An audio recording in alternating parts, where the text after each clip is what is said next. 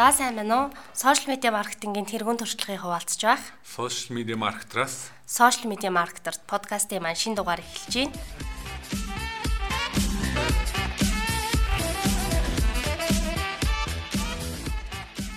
За өнгөрсөн онд бид нар 42 Live бэлдэж хийсэн.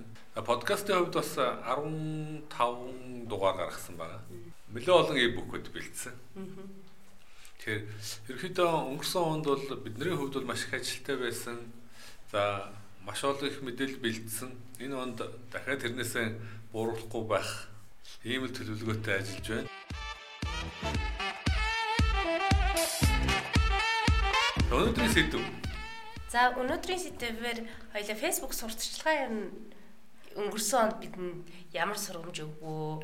Тэгээд бас энэ онд бид нэр юунд анхаарах юм бэ? Яг энэ он 20 20 он өөрөө Facebook сурталчилгааны хувьд бас нэлээд юутай асуудлууд их дагуулж магадгүй жил байгаа даа. Аа. Улс төр сонгуул янз бүрийн одоо арга хэмжээнүүд ихтэй.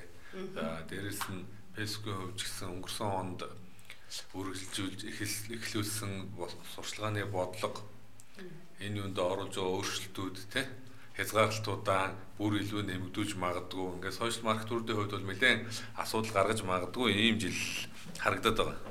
Тэгэхээр юусе эхлээд өнгөрсөн онд бид нар юу явуул сурчлага фэйсбુક сурчлага явуулаад тэндээс гарсан туршлагуудаас харахаар юу ямар асуудлууд гарч ив ямар туршлага хуримтлуулав за эндээс цөөн одоо тий эхний анхаарах хэвээр энэ зүйлсүүдийн талаар ярилцсан. Дараагийнх нь болохоор 20 онд бас анхаарч хэвээр бид нар юуд бэлтгэлтэй байх хэвээр гэдэг. Энэ талаар бас ярилцвал зүгээр юм гэж бодлоо.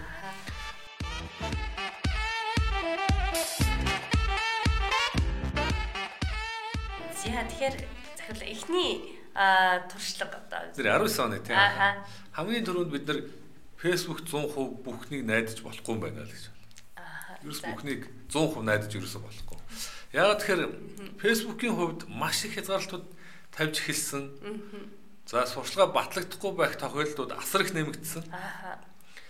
За дээрэс нь хүртээмж үнийн хувьд бас асуудлууд гарах магадлалтай. Хүртээмж органик хүртээмж бол буураад байна. Facebook-ийн төлбөртэй сурчлагын хувьд бас нэгжийн зардал өсөж магадгүй Ялангуяа 20 онд бол бүр өндөр өсөх ийм магадлалтай жил гэж үзээд байгаа учраас тий. За тэгэхээр ийм асуудал гарч магадгүй. Тэгэхээр зөвхөн фэйсбુક битгий найдаал гэж одоо хамгийн түрүүнд. Тэгэхээр бидний хувьд Facebook зөвхөн Facebook найдахгүй зөвхөн Facebook-аас бүх одоо хэрэглэгчийн лидүүдэн орлогоон борлуулалтын гол одоо сурталгааны сувгаан зөвхөн Facebook гэж ингэж үзэхгүй байвал илүү зүгээр санагдсан. Тэгэхээр энэ дээр бас манай үзэж байгаа хүмүүс маркетинг бас анхаараасаа гэж ингэж бодож байна. Аа тэгэхээр өөр ямар сувгууд байж болох вэ? Бид нар бол хамгийн түрүүнд чатботд анхаарч байгаа. Яг ааха. Чатбот үр дүн сайтай байгаа. Маш сайн байгаа. Одоо яг манай зүгээр сурталгааны дэмжиж байгаа сурчлагын үр дүнгийн үзүүлэлтүүдийг сайжруулж байгаа хамгийн чухал зүйл чатбот байгаа одоогийн байдлаар. За дээрэс нь органик хүртээмжийг чатбот маш сайн нэмэгдүүлж байна. Манай вебийн хандлт чатботоос асар өндөр хандлт орж ирдэг болсон. За манай харилцагчтай хувьд ч гэсэн яг ижлэх энэ үзүүлэлттэй. Гуравдугаарт дараагийнх нь болохоор email маркетинг бид нар анхаарч байгаа. Email маркетингийн үр дүн тогтвортой бид нар байнгын одоо email листээ сайжруулах, нэмэгдүүлэх, тэгээ тогтвортой одоо email маркетинг хийх энэ одоо аргачлалуудыг маш их ашигласан. Өнгөрсөн онд бол манай веб хандлтын нэлээд чухал гол хувь email-ээс орж ирдэг болсон. За дээрэс нь имэйлийн манай имэйл явуулж байгаа имэйлийн спам оноо маш сайжирсан. За ингээд одоо яг өөрийн листтэй хэрэглэгчтэй одоо зориулсан юм мэдээлэл явуулах өөрөө имэйл маркетинг гэвэл үнэхээр сайн үр дүнтэй байгаа. Тийм учраас аль болох Facebook-ээс гадна өөр сурчлагын сонголтуудыг маш сайн хэрэгтэй. За нөгөө талаас Instagram байж болно. За гуравдугаарт LinkedIn за нөгөө талаас бизнесийн одоо онцлогоос хамааруулаад Pinterest маш сайн сувг байж магадгүй.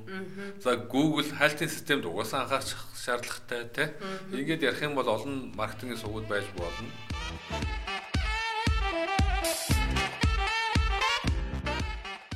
За өөр шин сувгууд байж болно. Подкаст маркетингийн дахиад хэрэглэгчд мэдээлэл хүргэх шин сонирхолтой ийм сувг байж болох юм байна гэдэг талаар бид нэр 15 6 подкастын дугаараас гарч байгаа үр дүнгээ харах юм бол маш сайн гарч ирлээ.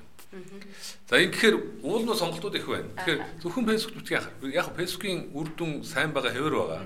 Гэхдээ энэ байнга одоо ингэж үргэлжлэхгүй байж магадгүй тий. Тийм учраас дараа дараагийн backup бусад одоо сувгууд дээр анхаарал хандуул тэрнийг ашиглаж эхлэе гэж хэлмээр.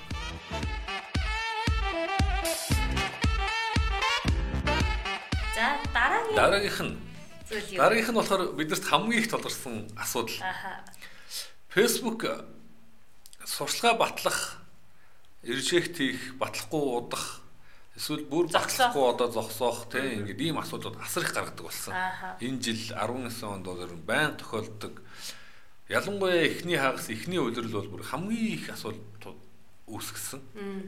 Эндээс авсан маш том сургамж юу вэ гэхээр сурчлагаагаа эртхэн бэлдээд батлуулаад бэлэн байлгаж байл гэдэг. Яаралтай сурчлага өнөөдөр эхлүүлэх ёстой сурчлага байвал өнөөдөр сурчлагын захиалга өгчөөд нөгөөдөг чинь батлагдахгүй удаад те. За тэгээ батлагдахгүй удснаас болоод асуудлууд үүсэд сурчлагын гол одоо үр дүн хугацаа өнгөрөх ийм тохиол гарч байгаа бол запас хоногтой бэлдээд батлуулаад авцсан байж байлгдаг. Тэгэхээр энэ дээр заавал анхаарах хэрэгтэй байна. Энэ жил бүр ихсэх байх гэж бодож. Ааха. Батлагдахгүй байхын захирлаа ер нь юун дээр их хөвчлэн батлагдахгүй. За хамгийн түрүүнд нэг шин журам гаргасан байсан. Яг тэн дээр зарим хүмүүс сайн анзаарахгүйгээс болж асуул гараад шүү гэлээ. Юу гэхээр дискрим одоо ялуурлан гадуурхахгүй байх гэдэг ийм одоо тийм ам амлалт бид нэр өгөхтэй акцепт хийх хэрэгтэй тэрнийг зөвшөөрөх хэрэгтэй тий тэрнийг зөвшөөрөхгүй анхаарахгүйс бол сурталгаа батлагдахгүй бүр сурталгааны аккаунт идэхгүй болох юм тохиолдол гарсан. За хоёрдугаар бодлого өөрчлөгдсөн.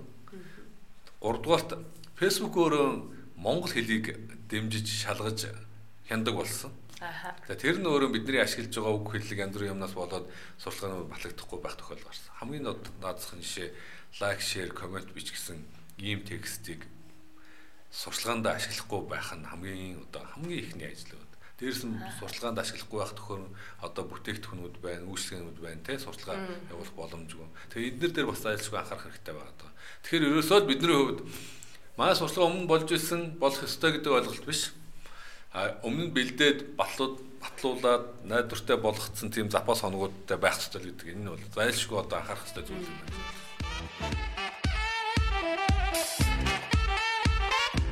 За. За дараагийн зүйл. Бидний сургамж авсан 3 дахь дараагийнх нь болохоор бид нар хамгийн их ашигласан дээрэс нь хамгийн их үр дүн авсан энэ Facebook сурчлагын функц Энэ юу гэхээр look alike audience буюу ижил төстэй сегмент. Энийг хамгийн их ашиглаж байгаа бид нар. Хамгийн сайн үр дүн авчирч байгаа. За өөрөөр хэлбэл Facebook-ийн алгоритмыг сайн өөртөө ашигтайгаар ашиглаа л гэсэн. Facebook бидний талаар маш их мэддэг. Би жишээлбэл 2006 оноос хойш гэхээр 14 5 жил Facebook ашиглаж байна. Өдөр болгон мэдгүй бүр цаг цагаар биш юм а гэхэд маш их удаан хугацаа Facebook зарцуулдаг. За эндээс нам миний талаар Facebook 14 5 жил өдөр болгон надтай уулзсан хүн шиг л мэдээлэл авч байгаа. Мэдгүй тэрнээс илүү бах. Одоо бүр илүү те. Тэгэхээр маш их мэдээлэл бидний талаар цуглуулж байна. Маш их мэдээлэл цуглуулж байна гэдэг чинь юу гэсэн үг гэхээр таны хэрэглэгчдийн талаар Facebook маш сайн мэдж байгаа л гэсэн үг. За таны хэрэглэгчдийн талаар Facebook мэдж байгаа юм чинь тэр хүмүүсийн ерөнхий одоо ижил төстэй ерхий шин чанаруудыг бүгдийг маш сайн мэдж байна. Өөрөөр хэлбэл таны гол хэрэглэгчид хамгийн үр дүнтэй, хамгийн идэвхтэй пенүүд чинь бүгдээрээ ер нь ямархуу зүйл сонирхож үзээд байна, тий? Тэднэртэй төсөөтэй хүмүүс нь ямар хүмүүс вэ, тий? Өөрөөр шинэ хэрэглэгчийг олгох юм шиг. Тэгэхээр ерөнхийдөө таны хэрэглэгчдийн талаар маш сайн мэдж байгаа юм чинь таны хэрэглэгчтэй ижилхэн хүмүүсийг бас тэр дор нь олоод ирэх боломжтой л гэсэн үг, тий? Тэгэхээр яг энэ одоо төстэй ижил төстэй сегментийг сонгож олох ийм боломж Facebook маш сайжирч байгаа алгоритм бүр сайжирч байна. Дээрээс нь бидний талаар маш их мэдээлэл цуглуулж байгаа учраас энэ боломж нь илүү сайн нэмэгдээд байгаа. Тэгээ энийг бид нар ашиглахаас аргагүй ашиглаарай. Энэ бол хамгийн одоо бидний хамгийн сайн үр дүн авчирсан энэ сурчлагын аргачлалын нэг байсан шүү те. Тэр энэ бол бас илүү сайжирна л гэж үзэж байна. Тийм учраас тэрнийг ашиглаарай гэж хэлэх юм.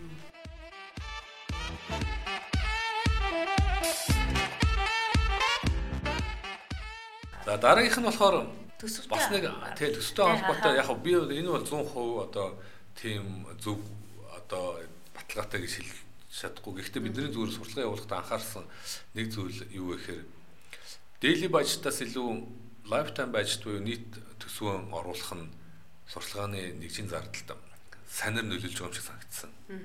За өөрөөр хэлбэл өдөрт 5 долларын гэсэн төсөв зохиос илүү 30 өдрийн нийтдээ 150 долларын сурталчилгаа явуулах шүү гэдэг энэ төсөв сурталчилгаагаа анх эхлүүлэхдээ оруулж өгөх нь сурталчилгааны нэгжийн зард сайн нөлөөлөх юм магадлал байгаа юм шиг харагдсан. Тэгэхээр энийг бас туршаад үзээрэй гэж хэлмээр байгаа юм тийм. Тэгэхээр яг тийм байлаа шүү дөхөн тэрнийг ашиглаарай гэж хэлж байгаа юм биш. Ялангуяа илүү 3 4 мянган долларын ч юм уу өндөр маш өндөр төсөвтэй Монголын стандартаар бол тийм. Ийм сурталчилгаануудын хувьд илүү одоо өөрчлөлт гарах юм магадлалтай харагдсан. Тэгэхээр энийг бас ашиглаж үзээрэй, туршаад үзээрэй гэж хэлмээр байна. За дөрөвдүгürt нь. Үгүй сүүлийнх нь тавдугаарт нь тийм. Аха. За сурталчилгаа наривчлал, оновчлол хийх дахиад нэг өөр асуудал. Аха. Нөгөө талаас сурталчгааны чин агуулга текст хэлж байгаа одоо тэр мессеж өөрөө нөгөө персона гэдэг сурталчааныхаа гол сегменттэй яаж ярилцаж, хандаж, харилцаж тэдний нөгөө нэг юм хөндүрцэг хэрэгцээтэй байдлыг гогдож харуулж байна тий. Энэ өөрөө сурталчгааны үр дүнд асар сайн нөлөөлөл. Өөр хэлбэл сурталчааныхаа текстэнд маш их анхаараач ял гэж тий. Сурталчгаа оновчлол хийх нэг хэрэг сурталгаач өөрөө чанартай үр дүнтэй байх шаардлагатай гэдэг энэ дээр бас анхаарах хэрэгтэй. Бид нар яг энэ талаар бас нийтлэл e-book лайв бэлтжсэн ер нь ямар хөө байдлаар текстэн дээр анхаарах вэ гэдэг. Тэгээ энийг бас үзээр яг энэ тал дээр бас бас тодорхой хэмжээний мэдээлэл өгөх болов уу гэж бодож байна. Аа нөгөө талаас та текстэн дээр заавал анхаарах хэрэгтэй. За нөгөө талаас Facebook аа хоёр янзаар тексттэй сурталчилгааныхаа текстийг бэлдээд ийм нөгөө AB тест хийх юм боломж олгосон. Аа.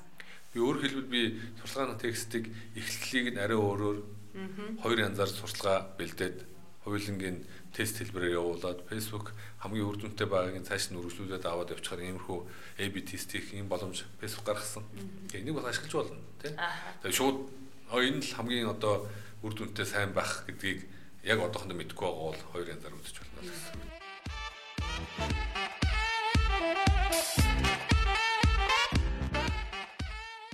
Тэгээ нөө персонатай зориулсан хүндүрцгийг нь олсон э, текст бичгийн тулд персонагаа гаргах хэрэгтэй. Персонагийн талаар бид нэр өнгөрсөн жил маш их ярьсан тий. Цахим байгаа. Татвал аваарай.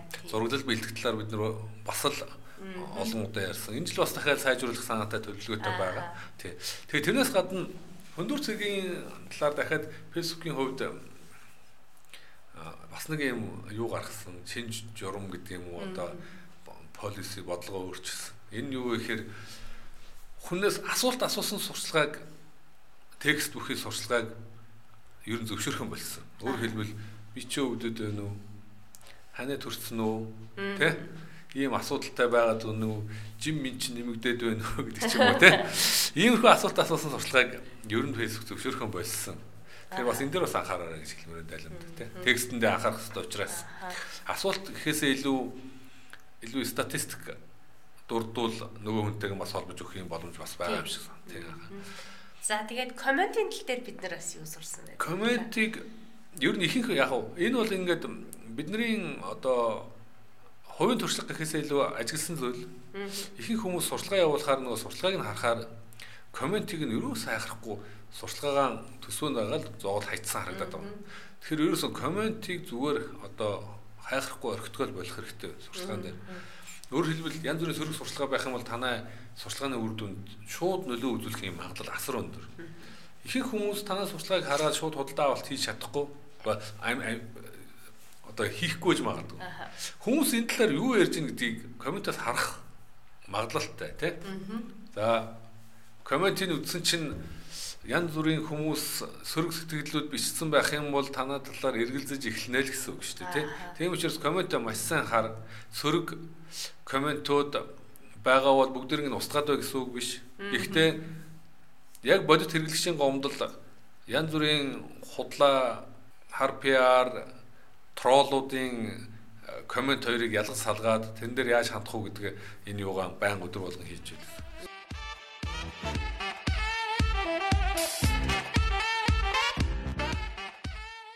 Яг бодит хэрэглэгчийн гомдол бол та тэр дорн шийдвэрлэж байгаа маш сайн үйлчлэгээтэй мэтэр харуулах боломж бас тэр чинь сөрөг коммент гаргаж өгч байгаа байхгүй тийм. Нөгөө талаас троллууд байх юм бол устдаг блок хий, бан хий тэр л хамгийн шудраг, хурдан маш сайн шийдвэрж болох ажил. Тэгэхээр комментиг заавал анхаарч бай. Тэгэхгүй бол болохгүй. За сүүлд нь эцэст. Юу нь болохоор 20 он асуудалтай жил болно. Болох бах. Янз бүрийн зөвхөн Монголын сонгуульоос гадна Америк, Оросын сонгуул ерөнхийлөгчдийн сонгуул болно. Facebook-ийн хувьд энэ дээр асар их асуудал гарсан. Facebook-ээс өнгөрсөн яг энэ 7 хоногт хүлэн зөвшөөрсөн нэг зүйл юу гэхээр Трампыг сонгуульд ялахад Facebook нөлөөлсөн. Зүгээр ерөөсөө шууд утгаараа нөлөөлсөн. Одоо манайх бол Трампыг бид нар ялуулсан юм байна гэдэг хүлэн зөвшөөрсөн. Одоо Facebook-ийнхэн өөрсдөө. Тэгээ энэ жил Трампыг ялуулахгүй байхын тулд бид нар ажиллаж бас болохгүй. Тэг байгаар нь байлга гэдэг ийм л юм ярьж илээ. Өөрөөр хэлбэл Facebook улс төрийн сонгуул янз бүрийн юм нөлөөлөх нөлөөл асар өндөр байна гэдгээ мэдсэн. Тэгэхээр тэрнийг янз бүрийн сөрөг байдлаар ашиглахгүй байх талаас нь бас янз бүрийн арга хэмжээ хязгаарлалтууд, бодлогын өөрчлөлтүүд юмнууд хийх бах. Тэгэхээр энэ тал дээр бол бид нэр зайлшгүй бас бэлтгэлтэй байх хэрэгтэй. Бэлтгэлтэй байна гэдэг нь ер нь янз бүрийн асуудал гарах юм бол 50 бай. Зарим эргэснүүд бүр 50 байхын тулд йог одоо энэ бясалгал энэсээр хичээл гэсэн иймэрхүү мэйл зөвлөгөө өгч илээ. Өөрөөр асуудлыг дагуулах байх шүү л гэ, тэ. Нөгөө талаас зөвхөн фэйсбүүкт битгий найдаа. гэдэг энэнийг заавал анхаар. Ийм л хоёр юмыг л одоо эцэст нь хэлмээр байдаг. Аа.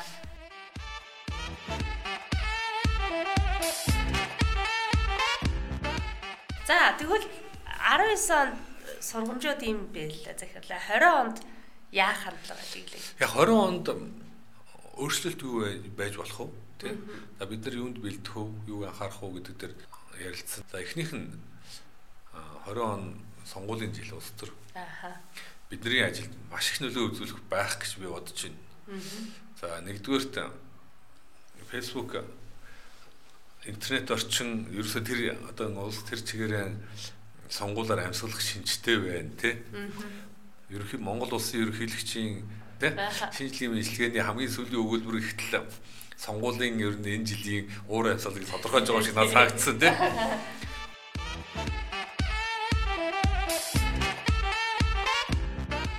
Зээл тэглэнэ шийдвэр гарцсан гэдэг үг. Тэгэхээр одоо тэрнээс хойш ер нь энэ зээлийн дад ярьж байна. Их хурлч зүрийн ард түмд бүгдээрээ л ярьж байна. Ерөнхийдөө л нэг иймэрхүү одоо янз бүрийн ийм одоо мэдээлэл янз бүрийн асуудал ер нь зүйлүүд их гарах бах. Тэр нь өөрөө ингээд интернет орчин байнгын одоо иймэрхүү талцуулсан тий а янз бүрийн мэдээлэл шууганаар ингэж одоо дүүрэн байлгах ийм л одоо шинж бол угаасаа байгаа. Болдог угаасаа л сонгуулийн жилүүд болдог зүйл тий. Үн зардал талаасаа тэр за дээрэс нь хүртээ эмж энэ талаасаа Facebook сонгуулийн сурчлагын хамгийн гол талбар байна.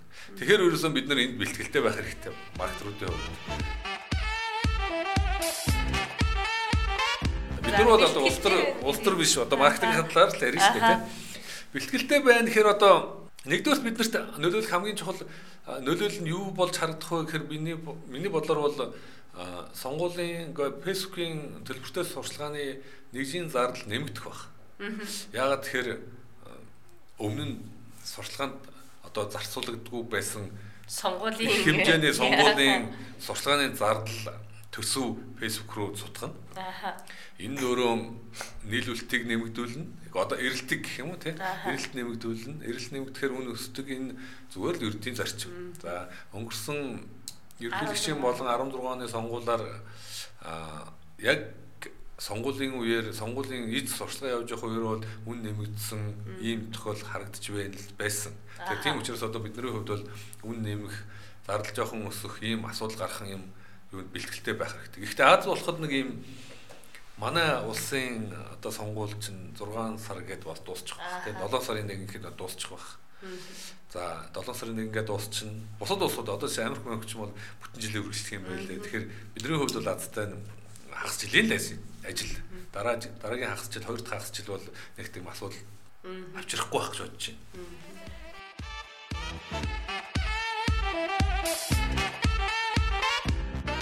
За үннээс гадна ер нь яах бол гэж та өнгөрсөн жилдээ үннээс гадна Facebook одоо өнгөрсөн жил ч гэсэн ажиглагдсан нэг зүйл.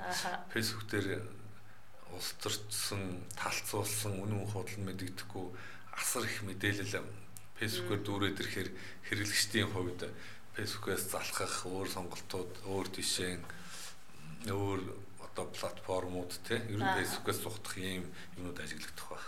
Тэгээ эн чинь маркетингийнхэн дахиад хэцүү болно. Нөгөө зорилтод хэрэглэгчд хүмүүстэй мэдээлэл хүргэх нөгөөдөл нь Facebook дээр байхгүй бол хаанаас олж авах уу гэдэг асуудлууд гарч ирнэ. Байсан ч гэсэн бага хугацаа өнгөрүүлээд байх юм бол дахиад адилхан бидний бэлтгэж байгаа контентуудыг бага хэмжээгээр л одоо хэрэглэл үзэж шарна гэсэн үг шүү дээ. Тэгэхээр энэ талаар бас нэг ийм асуу. Тэгэхээр дахиад адилхан нөгөө нэг зөвхөн Facebook-т найдаж болохгүй өөр арга хэрэгслүүдэд хадгалаад авч одоо хэрэгжүүл турших юм боломжууд нөгөө талаас олох байх гэж байна шүү дээ. Тэгэхээр та одоо зөвхөн Facebook-т найдаж болохгүй гэдэг гэж шүү дээ. Тэгвэл Instagram ер нь ямар байх вэ? Аа бас сурталгааны энэ жилийн 20 оны сурталгааны хоёр дахь одоо чухал одоо анхаарах хэрэгтэй зүйл Instagram-ын талаар ярмаар санагдсан. Яг тэр сайхан би нэг мэдээлэл харсан. Facebook-оос гаргасан. Тэн дээр Instagram ер нь өнгөрсөн 17 оны Facebook-ийн төлбөртэй сурчлагаас олсон орлогын асар бага хувийг нь Instagram эзэлдэг гэсэн ийм таарсан. Тэр үед баг 40 50 тэрбум доллар Facebook сурчлагаас олж байхад Instagram 15 сая долларыг нь Instagram-аас олсон гэсэн ийм харц үсэн тоо харсан юм. Өөр хэлбэл Instagram-ын сурчлагын үр дүн тэндээс орж байгаа орлого тэр үед асар бага байсан. А гэхдээ 19 бол өөр арай өөр дүр зураг харуулж харагдчихжээ лээ. Өөр хэлбэл Instagram дээрээс орж ирж байгаа сурчлагын үр дүн Instagram дээр сурчлагын төлбөртэй сурчлагын үр дүнд гарч байгаа engagement те а ирж байгаа лидүүд хандлтуудыг харахаар эрс нэмэгдэж байгаа юм тренд харагдаад байгаа. Өөрөөр хэлбэл бид нэр Instagram-д анхаарал хандуулахаас аргагүй тий Instagram үр дүнгийн Facebook-ийн сурчлагын үр дүнгийн төлбөртэй сурчлагын үр дүнгийн хувьд а бас чухал сувгуудын нэг болж өөрчлөгдөж байна л гэсэн үг. Тэгэхээр энэнийг бас бид нэр 20 онд зайлшгүй хараад үзээд тэгээд цааш нь өөрсдийнхөө ажилд ашиглаад явах хэрэгтэй юм байна гэж харсан.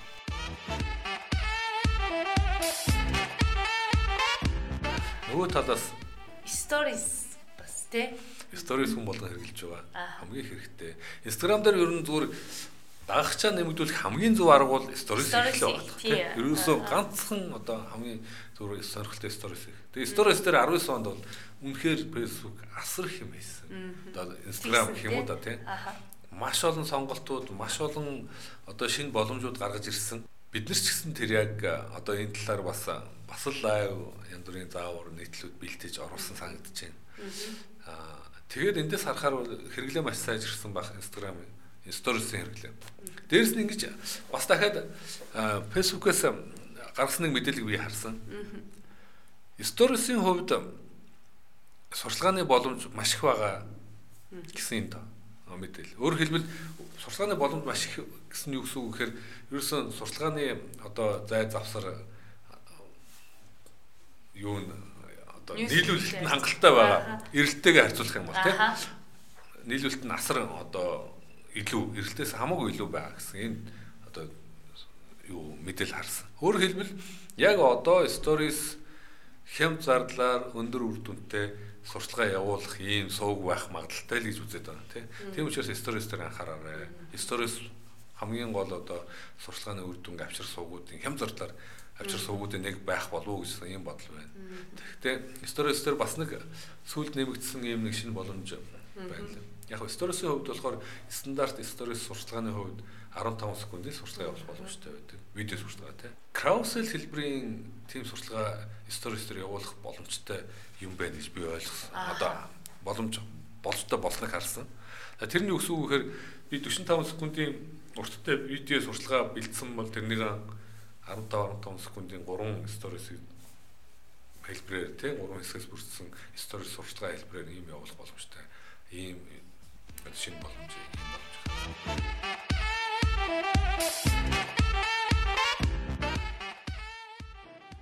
Тэгэхээр ер нь бол сторис дээр сурчлага төлбөртэй сурчлага явуулах юм боломжуудыг байнга шинээр нэмж оруулах юм байна. Яагаад тэгэхээр нийлүүлэлт нь хангалттай их байна, эрэл жоохон бага байна. Тэгэхээр Facebook ч гэсэн энэ дээр маш их анхаарах байх гэж ингэж бодож байна. Facebook-ийн stories хэсэг бас их гоё болсон байгаа шүү дээ. Instagram чигээ. Тэгэхээр Instagram анхаар Instagram дотроо Facebook үгүй stories хэсэгт зайлшгүй анхаараарай л гэж ингэж хэлмээр. Тэгэхээр 20 оны ерөөс гол зүйл маш олон үйл явдлуудтай тэр дундаа сонгуультай энэ нь өөрөө бидний сурчлагын хүртээмж үн зардал энэ зүйлүүдэд нөлөө үзүүлэх баха тэр энд эртнээс бэлтгэлтэй бай.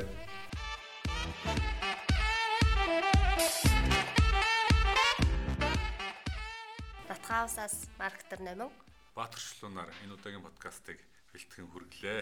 Баяртай.